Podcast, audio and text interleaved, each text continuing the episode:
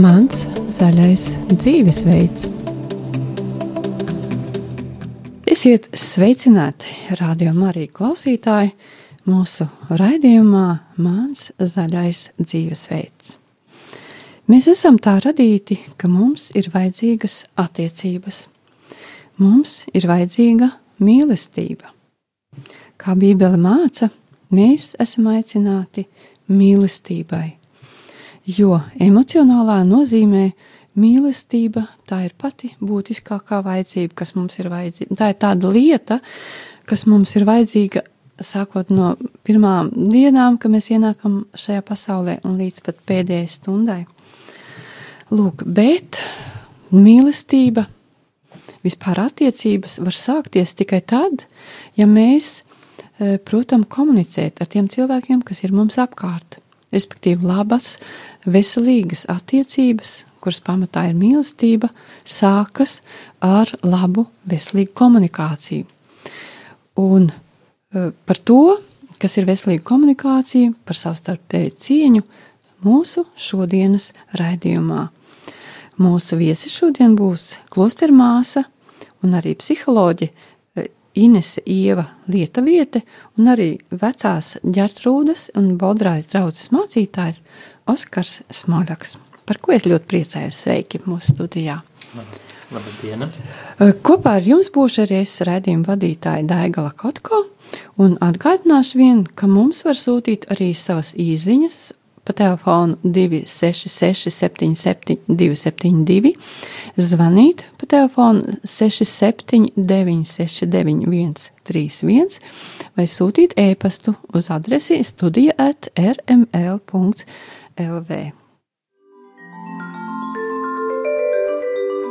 Kādas ir tavas izvēles ikdienā? Kā jau sacīju, mm, viens no mūsu viesiem, viena no mūsu viesņām, nepareizi teikt, viesi, viesis ir mm, klostermāsa, arī psiholoģe Inese Ieva Lietaviete. Mēs ar viņu sazvanījāmies pa telefonu, un jautājums māsai, vai jūs dzirdat mūs? Sveicināti! Jā, viss kārtībā, ja? Tad sākam mūsu sarunu ar šo jautājumu, kas tad ir veselīga komunikācija? Kā jūs to redzat, kā jūs saprotat? Lūdzu, māsa. Šis vārds komunikācija, tas ietver divus, varbūt arī vairākus cilvēkus, un tā ir saziņa. Tā ir eh, iespēja apmainīties ar mūsu uh, vajadzībām, uzskatiem, iespaidiem, jūtām. Un, uh, domāju, šīs komunikācijas vai saziņas kvalitāte ir atkarīga no tā, cik lielā mērā mēs varam um, paust šīs mūsu sajūtas, iespaidus, vajadzības, uzskatus tiešā, godīgā, saprātīgā, iejūtīgā, arī tādā skaidrā veidā. Uh, jo mm, ir ļoti svarīgi, lai arī otrs cilvēks spētu uztvert mūsu pausto Un tā ir tāda nepārtraukta rēķināšanās ar otru cilvēku, ar visu spējām saprast, nepārtraukta pārbaudīšana, vai es esmu saprast, saklausīts pareizi. Un katrā ziņā komunikācija ir kaut kas tāds, kas arī mūs var vienot, un patiesībā tas arī mūs vieno, jo ir grūti veidot attiecības, ja nav komunikācija. Bet komunicējam mēs vienmēr, arī tad, kad nerunājam ja mēs zinām šo neverbālo saziņu vai neverbālo veidu, pēc kuras vadoties mēs bieži vien nosakām, kādā, kā, kā šis otrs mūsu um, sarunas partneris jūtas vai, vai kā viņš izturas pret mums vai pret šo tēmu, ko vēlamies runāt. Inese, komunikācija tas tāds gudrs vārds. Citiem vārdiem varētu teikt, ka tās ir mūsu uh, spēja sarunāties pavisam vienkāršā, godīgā veidā. Veidā, jā, tieši tā. Kur mēs pasakām, kā es jūtos, ko es domāju, kas ir mana vajadzība. Uh mhm, -huh, jā. Un sadzirdēt arī no otras puses, kas notiek ar otru cilvēku, kā viņš jūtās, ko viņš domā, kādas ir viņa vajadzības. Tieši tā, tā vienmēr ir kaut kāds līdzsvars un balans tajā visā. Un, bet droši vien, ka nebūs pats labākais, eh, kā diezgan bieži notiek, ka cilvēki īsti neuzdrošinās teikt tam otram, nu kas tad ar mani notiek, jo ej nu sazina, kas tad tagad notiks, ka viņš zinās, kā es jūtos. Vai mm, jūs savā psihologa praksē, vien eh, esat ar tādiem, tādām situācijām sastopaties, un, un kā jūs to varētu komentēt? Viennozīmīgi, jo nu, mums ir svarīgi nevis tikai tas, kā ko mēs darām mūsu attiecībās vai kā mēs uzvedamies. Bet mums ir ļoti svarīgi arī saprast, kā otrs partneris šo uzvedību vērtē. Un līdz ar to svarīgi runājam par savām sajūtām, par mūsu vajadzībām. Mēs nevaram uzminēt otru cilvēku vajadzības vai viņa vēlmes un idejas. Kaut gan diezgan bieži tā. Ir ļoti svarīgi, jā, svarīgi ir spēt runāt skaidri Uzdrošināties to. Runāt, jā, Bet tavām. uzdrošināties, es gribu teikt, ka diezgan būtiski ir eh, saprast sevi, ka es drīkstu, es drīkstu, pirmkārt justies tā, kā es jūtos, un es drīkstu par to runāt, jo diezgan bieži ir tā, ka cilvēki neuzdrošinās. Jā, es, jā, jā. Vai ne? Un, un, es piekrītu. Un viena lieta ir, ka tad, kad es neuzdrošinos, tad kā es to kompensēju, es ņēmu, sāku izdomāt, ka, kas tur ar to otru notiek. Viņa vietā tā kā izdomāja, kā viņš jūtās, kā viņš, ko viņš domā, nedodies vēl par mani, varbūt kaut ko netik labu. Un tā, un tad līdz ar to tur arī rodās visi tie pārpratumi, vai ne? Protams, un pēc tam arī, ja mēs nepasakam savas patiesās sajūtas un vajadzības, bieži vien mēs pakļaujamies tam otram partnerim, kurš kaut ko varbūt mums ir licis vai lūdzis darīt, bet paši to nevēlamies darīt, un tad aug iekšējas dusmas par šo situāciju. Un mēs vienkārši komunicējam ar savu neverbālo izpausmi, ka, ka kaut kas nav kārtībā, un reizēm šīs dusmas arī izlaužas ārpusē. Bet daudz biežāk arī attiecības bojā visas šīs iekšējās dusmas, kaut kāda kritizēšana, apvainošanās, ignorēšana kurnēšana, nepiekrišana. Un, atsakot, daudz labāk būtu runāt skaidri, atklāti, tieši, izteikt savu, savu vajadzību. Bet Arī maigi un draudzīgi, ja tas ir iespējams ar cieņu vienam pret otru un cieņu pret sevi. Bet tas, kas ir svarīgi, arī apzinoties realitātes. Jo nevienmēr tas otrs cilvēks šajā brīdī var piepildīt manas vajadzības, vai tas, ka es to izsaku, vēl nenozīmē, ka otrs ir gatavs tajā brīdī nu, pakārtot savus plānus manējiem. Un, un uh, mums ir jāpieņem arī otra cilvēka vajadzības, viņa, viņa, viņa plānus. Iespējas un, varbūt. Un iespējas, jā. Tas, ko mēs saucam par veselīgu komunikāciju, īstenībā nozīmē, ka mēs pirmkārt paskatāmies uz sevi, saprotam, kas notiek ar, ar mani, jā, es saprotu, kas notiek ar mani, un tad tā ir mana atbildība, ka es dodu šo vēsti otram cilvēkam pavisam godīgi, kas ar mani notiek, un tad uh, arī mēģinu saprast, kas ir tas, uh, ko man vajag attiecībās ar šo otru cilvēku, un daru viņam to zināmu. Pieņemu, ka viņš to var uh, piepildīt un var arī nepiepildīt. Jo Viņš viņam... var pateikt jā un var pateikt arī nē, jo ja mēs kaut ko lūdzam vai, vai paužam, ka tas būtu mums ļoti vajadzīgs un nepieciešams, mums vienmēr ir jābūt atvērtiem uz abām atbildēm, gan jā, gan nē. Tas nozīmē, ka mēs ne tikai uh, respektējam to savu iekšējo stāvokli, un varbūt un ne tikai iekšējo, bet uh, tas, kas ar mums notiek, uh, bet arī otru cilvēku. Viņa jā, jā. tiesības būt eh, tieši tādā pozīcijā, ka viņš drīkst justies tā, kā viņš jūtās. Uh -huh. Viņam mhm. tāpat ir savas vajadzības, un ka viņš uz to mūsu eh, lūgumu vai to, ko mēs sakām, var atbildēt gan apstiprinoši, gan noliedzoši. Viņš teikt, var teikt savu nē. Jā, un, un tad mans pienākums ir um, nu, cilvēciskā nozīmē, ka es respektēju šo otru cilvēku, nē. Jā. Vai to sauc par savstarpēju cieņu? Domāju, ka noteikti. Tā ir cieņa vienam pret otru, un arī cieņa pret sevi. Kas man šķiet iet roku rokā. Mhm. Bet kāpēc tādos gadījumos nu, ir tie konflikti? Kas, kas tur ir tā, ka nu, mēs zinām, jā, cieņa tas ir ļoti laba lieta, kad uh, viņi man palīdz dzīvot, viņi man palīdz attiecībās, bet tomēr ļoti bieži mūsu savstarpējās um, kaut kādos kontaktos cieņa izpaliek. Vai jūs kā psihologs varat pateikt, kas ir tie punkti, kas mums tā kā patraucē? Domāju, ka bieži vien kaut kur ļoti ceļi, ceļi apakšā mūsu aizvainojumiem ir vilšanās otrā cilvēkā, ne, kaut kādas lietas, kas atkārtojas, ko mēs neesam pratuši atrisināt, kas ir nogurdinājušas mūsu attiecības, un tad iezogas šī necieņa vai, vai otru cilvēku ignorēšana, viņa vajadzību neievērošana, un kas, protams, ļoti, nu, ļoti skaudri parāda, attiecību temperatūru katrās attiecībās. Es domāju, ka, ka cieņa ir tas vārds, kas parāda, vai ir, ir, ir attiecības starp diviem cilvēkiem vai nav. Un um, bieži vien šie visi aizvainojumi vai šīs interpretācijas un vilšanās, viņas ir ļoti saistītas ar mūsu ģimenes modeli, ka mēs iznesam no savas ģimenes dažādas pieredzes un arī, zināmā mērā, pārliecības, ka nu, ir lietas, kas ir jādara tieši tā un nevis savādāk, un neesam gatavi palūkoties arī no otra cilvēka perspektīvas vai no viņa ģimenes pieredzes. Un, eh, ja, ja tas netiek izrunāts, ja tas netiek risināts, tad arī ļoti daudz negatīvas um, sajūtas sakrājas, un um, tas vienkārši nespēja vairs cilvēks pārkāpt pāri tam, tam augstajam mūrim un, un cienīt vienam otru.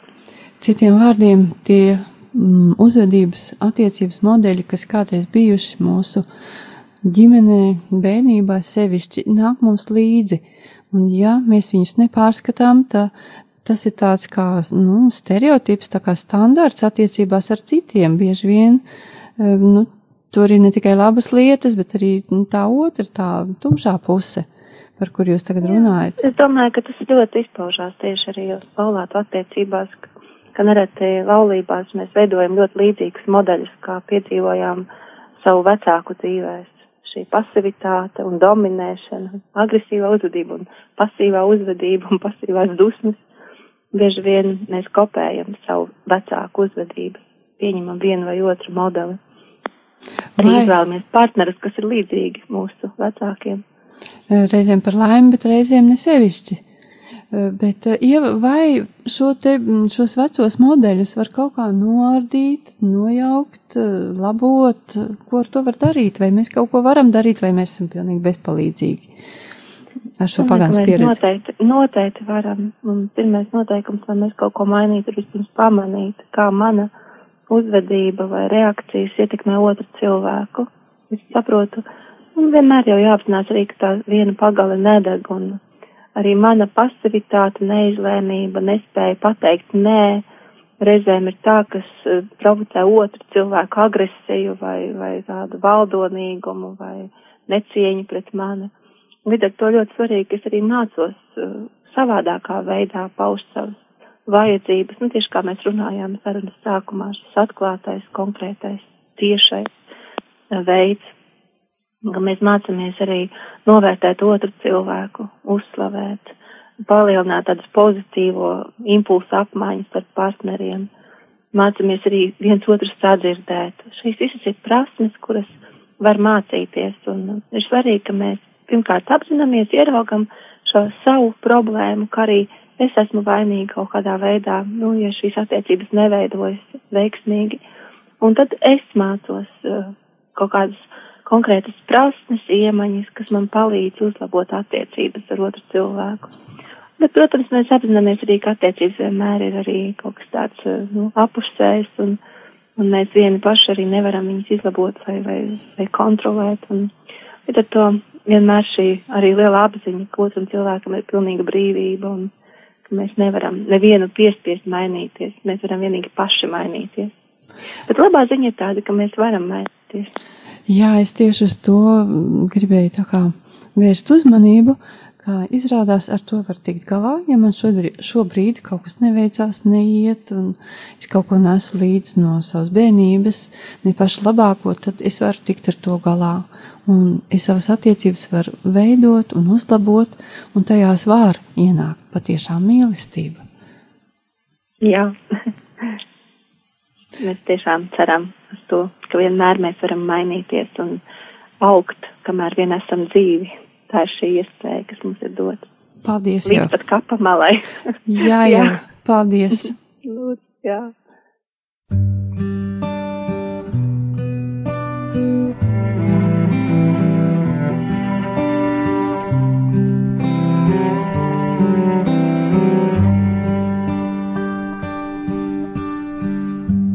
Dzidrais rīts un siltais saules stars bērna smieklī un sīkais milšu grauds, tavas sasaras un mans maids.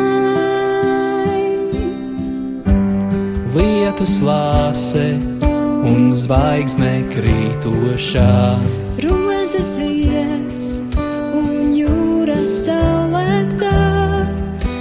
Divas sirdīs vienā sirds pukstā.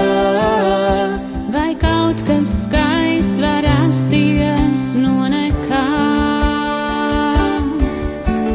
Klausies, kā šauko vējš, vēro, kā daureņi lidoja. Vai esi kādreiz jautājis sev, kā radās pasaulē?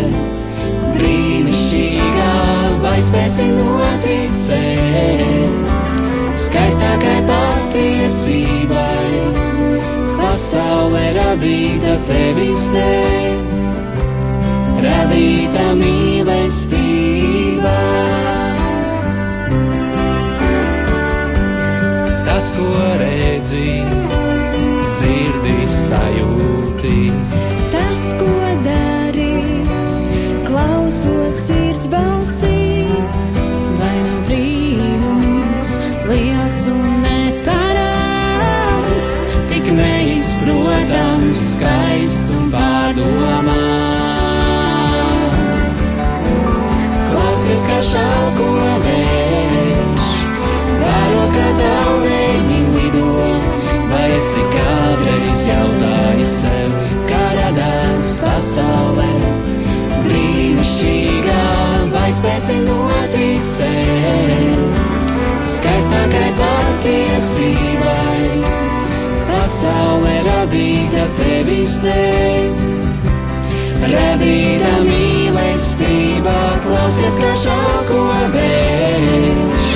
Vēro, kā taureņi lido, vai esi kādreiz jautājis sev, kā radās pasaulē.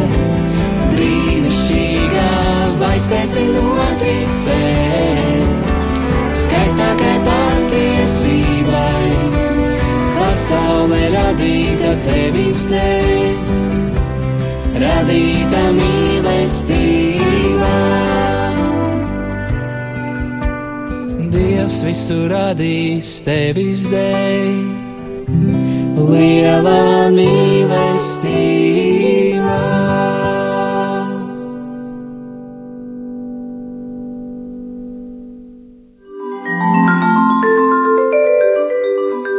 Vai tu respektē savas un citu vajadzības?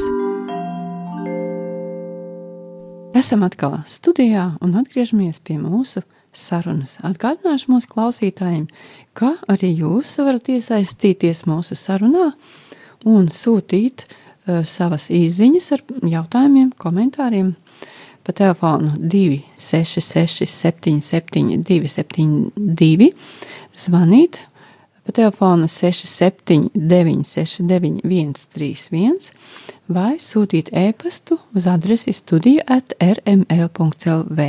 Tāpat atgādinu, ka mums ir arī ziedojuma tālrunis, un tas ir 900 67 69. Bet šodien tātad runājam par to, kas ir veselīga komunikācija un ko nozīmē cieņa. Un ar šādu jautājumu tad arī šobrīd vēršos pie mūsu viesa, vecās ģetrūdas un bodrājas draudzes mācītāja Oskara Smoļaka. Oskar, kas ir cieņa? Jā, pirmkārt man e, varbūt gribētos nedaudz e, pārfrāzēt e, tīri, ko, ko vārdnīca saka par šo vārdu, un jā, ka tā ir godbijīga un atzinīga attieksme un izturēšanās, un man liekas, ka tur skaisti iezīmējas tās divas daļas - attieksme un izturēšanās, ja rīcība, Un, jā, pret kādu personu, un to starp arī sevi, kā to arī māsa Inese izcēla šai sarunā. Un, un kas, kas arī varbūt ir tā interesanti, man šķiet, ka, ka, ka pasaulē tomēr vai ne, ir tik ļoti valda tas ieskats, ka cieņa ir kas tāds, nu, kas ir jānopelna, kas nav kaut kas pašsaprotams, un kaut kādā mērā, es domāju, mēs visi arī piekrītam, vai ne mūsu savstarpēju attieksmi izraisa, nu tas, kā mēs viens pret otru izturamies, ka tur tāda apļa veida kustība izveidojas. Mm. Bet tai pašā laikā, man liekas, nu, kur tomēr kristīgajā kontekstā mēs arī nu, ejam vēl tālāk par, par to, ka mēs visi esam eh, piedzīvojuši un saņēmuši nepelnītas žēlastības un nepelnīti Eh, nepelnītu attieksmi no Dieva, un tāpēc arī mēs pret citiem esam padarīti spējīgi padar, parādīt nepelnītu attieksmi, nepelnītu labu attieksmi, varbūt kur tīri kādreiz cilvēcīgi mēs, nu jā, mums liekas, eh, ka mēs gribētu rīkoties citādāk. Un jā, un es, man ļoti patika tas, ko māsa Ines, Inese akcentēja, ieskicēja, ka, ka vai ne, kad visu, visu to mūsu uzvedības modeli mēs iemantojam savā ģimenē un, un, un pavisam skaidrs, ka arī cieņpilnu attieksmi, cieņu mēs e, mācamies savās mājās, savā ģimenē. Un, un tas tik interesanti ir, ka, ka arī nu, ja, ja mēs domājam, kur, kur tad baznīcā un mūsu kristīgajā ticībā visskaidrāk šis vārds iezīmējas cieņa, tad viens, kas man uzreiz nāk prātā, tas ir laulības solījums, ka tur vismaz mūsu luteriskās baznīcas laulības kārtībā, tad, kad laulātie draugi viens otram altāra priekšā dod solījumu, tur skaidrā tekstā tiek sacīts, ka apsolos tevi mīlēt, un cienīt, līdz pēc Dievs mūs šķirs laicīgā nāve. Un arī ja interesanti vai ne un svarīgi, ka mīlestība un cieņa iet kopā, ka no vienas puses eh, ir, tas, ir, eh, tas ir kaut kas atšķirīgs un tai pašā laikā kaut kas ļoti, ļoti saistīts un kopā. Un, un otrs, eh, kad ceturtais bauslis, kas arī ir par ģimeni, saka, ka tev būs tēvu un māti godāt. Jeb es domāju, šis vārds godāt arī at, pilnībā būtu, būtu, būtu arī tulkojams, jeb, jeb, jeb, jeb kā sinonīmu varētu lietot vārdu cienīt. Tā ka tur arī iezīmējas, ka vispirms vīrs un sieva, māte un tēvs ir tie, kuri dzīvo cieņpilnās un mīlestības pilnās attiecībās, un uz tā pamata izriet, ka reiz arī viņu bērni viņiem varēs atlīdzināt ar to pašu. Bet tas nav tikai laulāto un vecāku un bērnu attiecībās. Protams. Tieši tāpat cieņa ir vajadzīga arī kontaktos ar visiem citiem cilvēkiem, ar kuriem mēs sastopamies mm. kaut galā uz ielas, transportā, veikalā, jebkur. Uh, Ja tas, kas ir mūsu mājās, to mēs iznesam arī, vai ne tādi, kādi mēs esam ar Jā. saviem vistuvākajiem, tādi cilvēki mēs arī patiesībā esam. Par laimi reizēm, bet reizēm netik ļoti. Citiem vārdiem, tātad bez cieņas nav mīlestības. Un ir otrādi. Ja gribam saņemt mīlestību, tad mācamies cienīt. Bet vispirms iemācamies sevi, cienīt, ja šī godpilnā attieksme pašam pret sevi. Tas nav tā, ka uh, es esmu tas uh, sliktais un, un citreiz, uh, kādreiz agrāk arī es to esmu darījis, kad sevi tur nolamāju, es netieku kaut ko galā un, un, un tādi pārmetumi nevajadzīgi un liek kaut kāds negatīvs skatījums uz sevi, ka patiesībā tas viss nav veselīgi mēs esam tā radīti, ka mums ir vajadzīga tāda godpilna attieksme pirmkārt pret sevi, un ko mēs to iemācāmies, tad mēs spējam šo godpilno attieksmi dot arī citiem. Askar. Tieši tā, vai ne? Kā arī Dieva vārds saka, kad mīl Dievu pār visām lietām un savu tuvāko kā sevi pašu. Un patiesībā tur, kur tur tu nemaz nevari mīlēt, un, un tā, tā, tā kontekstā mēs varam sacīt arī cienīt otru cilvēku, savu tuvāko, ja tu, ja tu, ja tu nemīli un necieni pats sevi. Tā ka tas tieši tā ir cieši kopā saistīts. Oskar, tu esi ne tikai mācītājs, bet tu esi arī laulātais draugs. Vai tu vari mazliet padalīties ar savu personisko pieredzi, vai tev tavās attiecībās vienmēr tā, tu uzreiz bijis perfekts, es uzreiz pratu cienīt, vai ir kaut kāds process bijis, un kā tu esi gājis šo ceļu, līdz tā izpratnē par cieņu tādu, kāda viņa tev ir šobrīd. Es domāju, ka, ka neviens mēs te neesam ienākuši gatavi produkti. Mēs katrs savā dzīvē topam par kaut ko, mācamies, un, un, un, un vēl neviens neesam tapuši. Ja, kā māsīnis arī noslēdz ar vārdiem līdz kapam malai, nu tā arī līdz kapam malai mēs katrs mācamies. Jā. Tas, kā, kā mē, es domāju, ka Protams, tā ir viena no, no tādām visizaicinošākajām skolām, es domāju, kas vien mums, kas vien mums ir. E, jā, iemācīties šīs cieņpilnu, šo cieņpilnu attieksmi. Un, Un, un tajā kontekstā, ka kādreiz, eh, vismaz es to tā piedzīvoju, nu liekas, nu, ka tie tuvākie cilvēki, un tad manā kontekstā mana sieva, nu viņa tad būs tā, kura mani e, vislabāk saprot, un tad, ja es tur esmu saīdzis, noguris, pārguris, tad, tad man ir attaisnojums, varbūt, eh, jā. un, un man ir attaisnojums, varbūt pret viņu būt, nezinu, netik savaldīgam, kā es būtu, varbūt ar svešu cilvēku tajā brīdī, bet, bet taisni pretēji, ja, kad, kad, kad, kad, kad tieši tā, jāsaka, mums tās maskas, eh, kādas mums uz, izdodas varbūt pasaulē kādreiz apzināti, neapzināti nesāt, vienā brīdī krīt, jo tādi, kādi mēs esam pret saviem vistuvākajiem, tie cilvēki mēs patiesībā esam, un tas, tas ir tāds, tāds labs indikators, nu kāds tu atļaujies būt pret, pret tiem, kuri, kuri, nu, kur tu esi pieņēmis, nu, ka viņi jau tevi pieņems tādu, kāds tu esi, ka viņi tevi sapratīs, ne? bet tas nav, nav attaisnojums, lai tu, lai tu kaut kādā mērā mērā eh, jā, arī pret viņiem ne, neiznestu, neizrādītu to vis, vislabāko attieksmi. Es atceros bērnībā.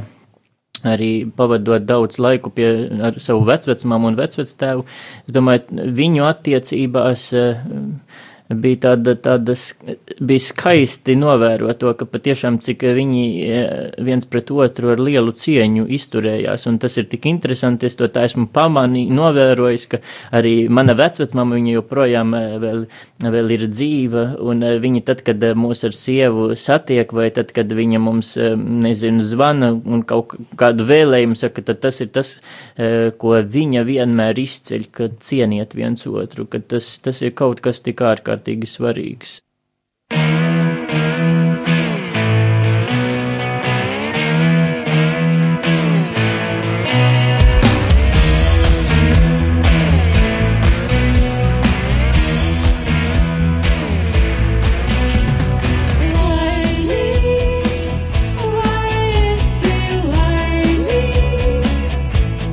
pavaicāja no malas, kāds it kā no ālas man tā.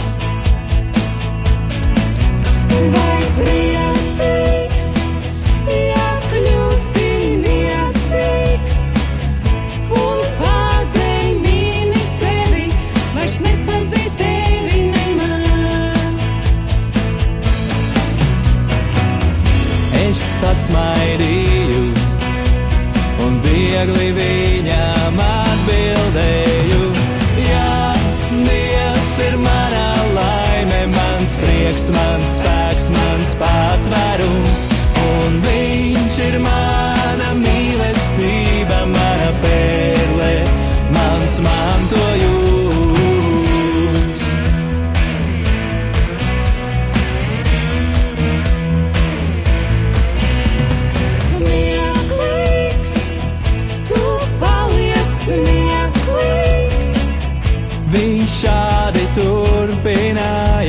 jo nesaprata, diemžēl. Bet kādreiz viņš redzēs, kādreiz viņš pazīs svēto dievu, ja kādu dienu tā būs. Es pasmaidīju un sirdī klusī gavilēju ir mana laime, mans prieks, mans spēks, mans patvērums. Un viņš ir mana mīlestība, mana pērle, mans mantojums. Jā, Dievs ir mana laime, mans prieks, mans spēks, mans patvērums.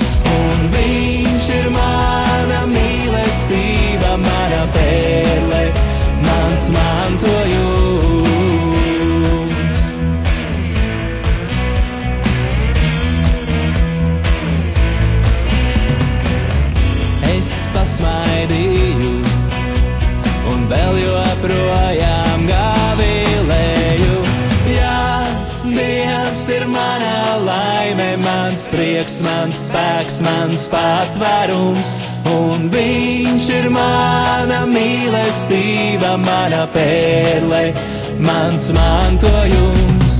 Jā, Dievs ir mana laime, mans prieks, mans spēks, mans patvērums, un Viņš ir mana mīlestība, mana pērle, mans mantojums.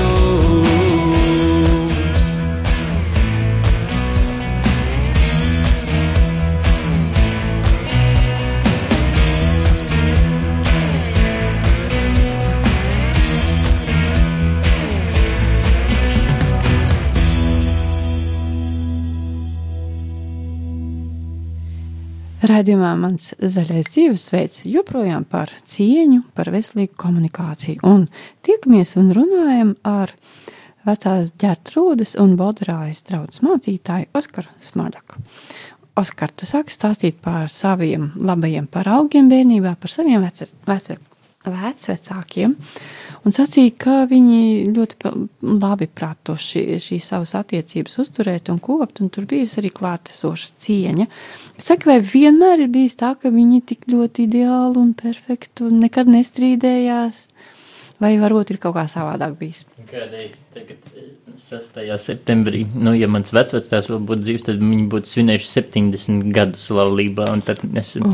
vecas, es viņai piezvanīju, vecas mammai tajā dienā parunāties ar viņu, tad viņa man, nu, es viņai prasīju, nu, kā jūs, no, nu, ja es atceros, eh, es vēl pie, mēs bija jau, man bija kaut kādi 6 gadi, kad viņiem bija 50 gadu kāzu jubileju, un, Un es viņai prasīju, nu, kā viņi tā nodzīvoja kopā. Nu, viņa saka, nu, ka Dievs dod visiem tik laimīgi dzīvot, kā viņi dzīvojuši. Bet nu, tad viņa teica, bet, protams, ka bija jau arī visādi kašķi, un, un viņi- kā viņi, viņa smējās taisni naudas dēļ kādreiz, kur, kur, kur kā jau, kā jau grūtiem laikiem caurējot, ka ar, ar, ar finansiālās lietas bija tāds, tāds liels pārbaudījums. Bet te, tas, ko viņa teica, ka, ka ļoti ātri vienmēr pratām eh, arī, arī salikt mieru. Un to es arī tā atceros no bērnības, ka jā, pat ja tur bija kādas domstarpības, ka tas nekad nebija, nebija uz ilgu laiku. Nebija tā, ka nezinu, kāds tur nerunā eh, visu dienu vai nezinu, izliekas, ka otra nav. Jā.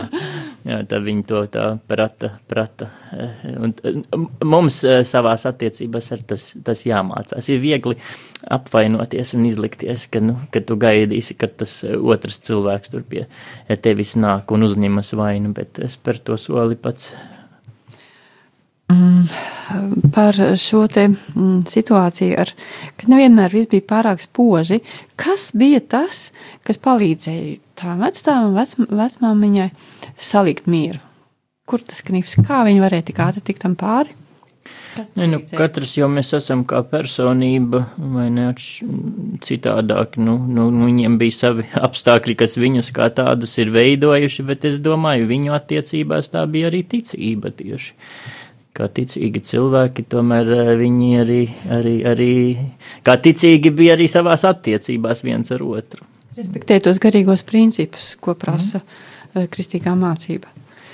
Jā, bet nu, es domāju, vai ne, mēs eh, te atkal nu, no tevis izriet tas, kas ir tevī. Tu tur var arī censties tagad pieņemt lēmumu, un es respektēšu tagad kādus principus vai kādus noteikumus, kas man tiek uzstādīti, bet tiem jau ir jābūt sirdī, ka tu viņus vienkārši dzīvo. Ja? Ka tā nav tava apņemšanās tagad būt par kaut ko citu, bet tu vienkārši tas esi.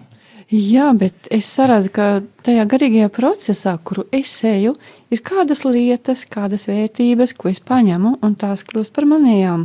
Un tad es varu jau dzīvot savādāk. Jā, mēs, protams, mēs vai necenšamies pieaugt labos paradumos, tur, kur mēs pamanam, ka kādas lietas, kur tas, kā es rīkojos vai daru, vai kā rēģēju, kur man nepatīk vai neapmierina kaut kas, kur, kur, es, to, kur es to nesu grēksūdzē Dieva priekšā, tur jau Dievs dod, ka viņš to mūsu akmens cieto sirdi arī kausē un dod mums miesas sirdi jūtīgu.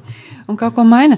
Bet, um, Oskar, kā ir ar tevi pašu? Vai tu pats esi vienmēr bijis tik perfekts, kā tu, kādu es, es tevi pazīstu? Es neesmu apgalvojis, ka es esmu perfekts. Ja tu man esi tādu iepazinusi, tad man tev gribētu sacīt, ka ļoti maldīgs priekšstats. Esmu ļoti Nemaz nav tā. cilvēks.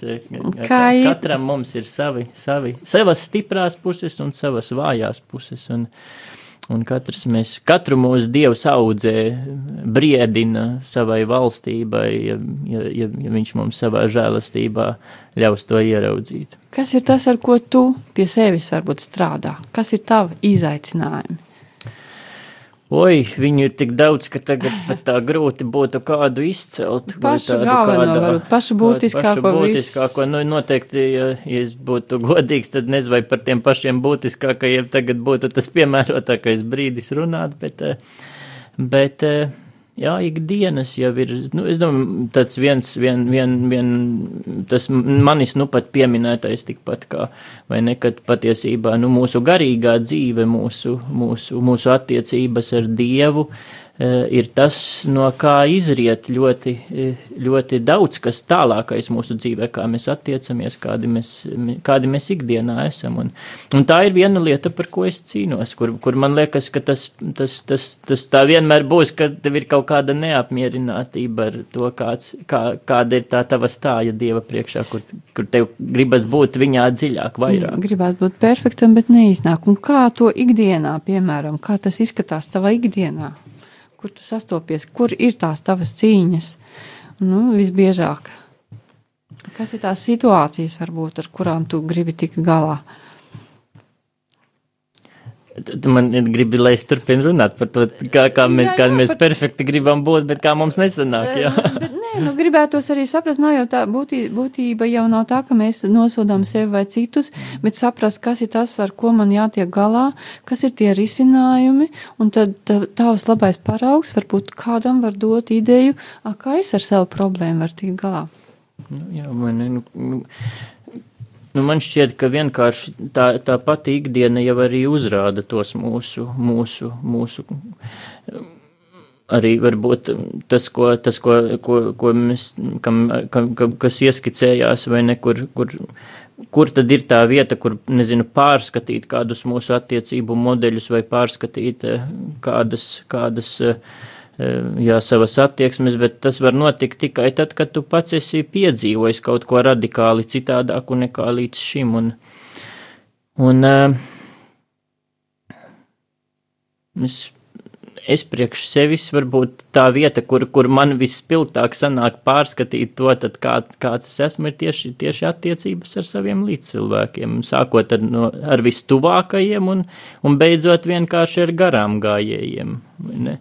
Kas ir tas, tu viņiem pārāk daudz viņiem, no viņiem pieprasi, sagaidi, vai tu kaut kā savādāk? Ne? Kas ir tas, ko nu, tu... Kat, mēs jau visi savā būtībā esam diezgan egoistiski, un tas ir tas mūsu ceļš ārā no sava egoisma, kur, jā, kur, kur vienkārši būt, būt, būt, būt tas, ko, tas, ko, tas, ko, tas, ko Kristus mums ir aicinājis, eh, mīlēt, mīlēt, mīlēt citus, mīlēt eh, tādus, kādi viņi ir, pieņemt viņus tādus, kādi viņi ir, neuzstādīt kaut kādas expectācijas, gaidas, nepieprasīt un nesagaidīt no citiem cilvēkiem, ko viņi tajā brīdī eh, nevar vai nespēj dot. Nav Būt vienkārši pieaugt tādā godīgumā pašam pret sevi un arī, arī pret citiem šī te, mm, izpratne, ka uh, savstarpēji cieņa, tas nozīmē, ka mēs esam līdzās ar otru cilvēku, ka viņam ir tādas pašas tiesības uz viedokli, uz uh, savu tādu izpratni par lietām, uz savām vēlmēm, ar vajadzībām, tas laikam ir pats galvenais, kas raksturo labas, veselīgas attiecības, ka mēs respektējam gan viņa tiesības būt tādam, kāds viņš ir, gan savas. Un tad kopumā tas izskatās tā, ka cieņa tas nozīmē būt līdzās. Vai tev ir kāds komentārs par šo teikt, manis teikto?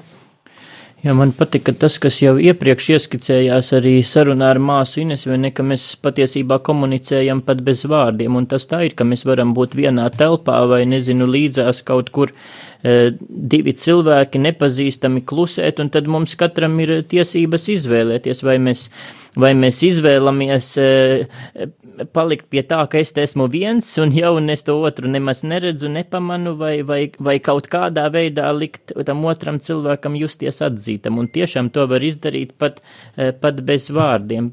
Un, eh, un, eh, un, un, un, un tas, tas ir tas, kas mums katru dienu tas ceļš ir jāiet, ka mēs, ka mēs, ka mēs atzīstam citus, atzīstam tos, kas, kas ir līdzās, ar, ar visu to, kas viņi ir, kādi viņi ir, un eh, jā, pieņemam cits, citu, kā Dievs mūs ir pieņēmis. Nu, ja mēs gribam saņemt atzīšanu, pieņemšanu, to pašu cieņu, mīlestību, nav cita ceļa, nav cita risinājuma. Mums ir jāmācās pieņemt otru tādu, kāds viņš ir, viņa šo te, tādu jā, tiesības būt pašam. Un tikai kopā tādā veidā mēs varam sadarboties. Ja tas ir no abām pusēm, mm, diezgan bieži tā, ka dzirdi, kad eh, kāds pieprasa cieņu, un tikai man ir tiesības uz šo cieņu, bet tam otram tā kā nē, nu tad tas laikam arī nebūs tas veselīgais risinājums. Jā. Nu, tieši tā. Un uh, es te varbūt tikai vēl gribu piebilst, kad mēs arī runājām, nu, cik kādreiz varbūt tas skan tāda nolemtība, kur mēs, uh, nezinu, savās ģimenēs neesam piedzīvojuši kādas lietas, un tad tas automātiski tieši tā tas neparedz, ka, ka, mēs, ka mēs nevaram kādas, uh, kaut ko to, ko neesam piedzīvojuši labot. Un te man gribētos izcelt tieši arī to, to, to draudzes līmeni, ka tieši draudze var būt tā vieta, var kļūt kļūt par to vietu, kur mēs varam pārskatīt kaut kādas savas struktūras sevi un savus modeļus un piedzīvot kaut ko radikāli citu. Un, Un, un es gribu vienkārši varbūt e, pieminēt, ka cik Pāvils e, romiešiem 12 skaisti raksta, vai nekā brāļu savstarpējā mīlestībā esiet sirsnīgi un izrādiet cit citam vislielāko cieņu. Un, un tas ir tāds arī, es domāju, kā aicinājums mums visiem kristiešiem cilvēkiem, ka, ka draudze ir tā pirmā vieta, kur mēs ļaujam citiem un sev to piedzīvot un izdzīvot. Un, un tā var kļūt par to transformējošo vidi, kur, kur, kur, ja mēs pasaulē mums tā tik ļoti pietrūkst, ka caur draudzi eh, mēs to varam iemācīties paši un iznest pasaulē, un tur jau Kristus arī saka, tāpēc, ka viņa sekotāji ir tā gaisma un sāls. Draudze, tātad tas ir tas starta punkts, kur mēs varam dot, doties tālāk savā dzīvē, kur var notikt šīs pārmaiņas manī, manās attiecībās ar citiem, kur es varu mācīties, pieņemt tiešām sevi un citus un saņemt šo mīlestību. Šobrīd mūsu raidījums izskan, mums, mūsu laiks jau priekš raidījumu jau beidzas. Ir sirsnīgi man eh, jāpateicās mūsu klausītājiem par jūsu uzmanību. Es sirsnīgi pateicos arī mūsu raidījumu viesiem, klostermāsai un psiholoģijai Inesei Ievai Lietavietai, kas mums bija eh, klātesoša telefoniski. Mēs sazvanījāmies un arī vecās ģetrūdas un bodrājas draudzes mācītājiem Oskaram Moļakam, kurš ir šeit studijā. Un es saku, Eh, paldies tātad visiem, kas mūs klausījās. Eh, gribu teikt, ja ir kādi jautājumi, komentāri, piebildes, jo varat sūtīt eh, arī uz adresi, uz e-pastu studija at rml.lv un nu, pēc raidījuma, un tad nākamajos raidījumos par to varētu arī runāt. Un šajā brīdī es no jums atvados uz tikšanos nākamajā reizē.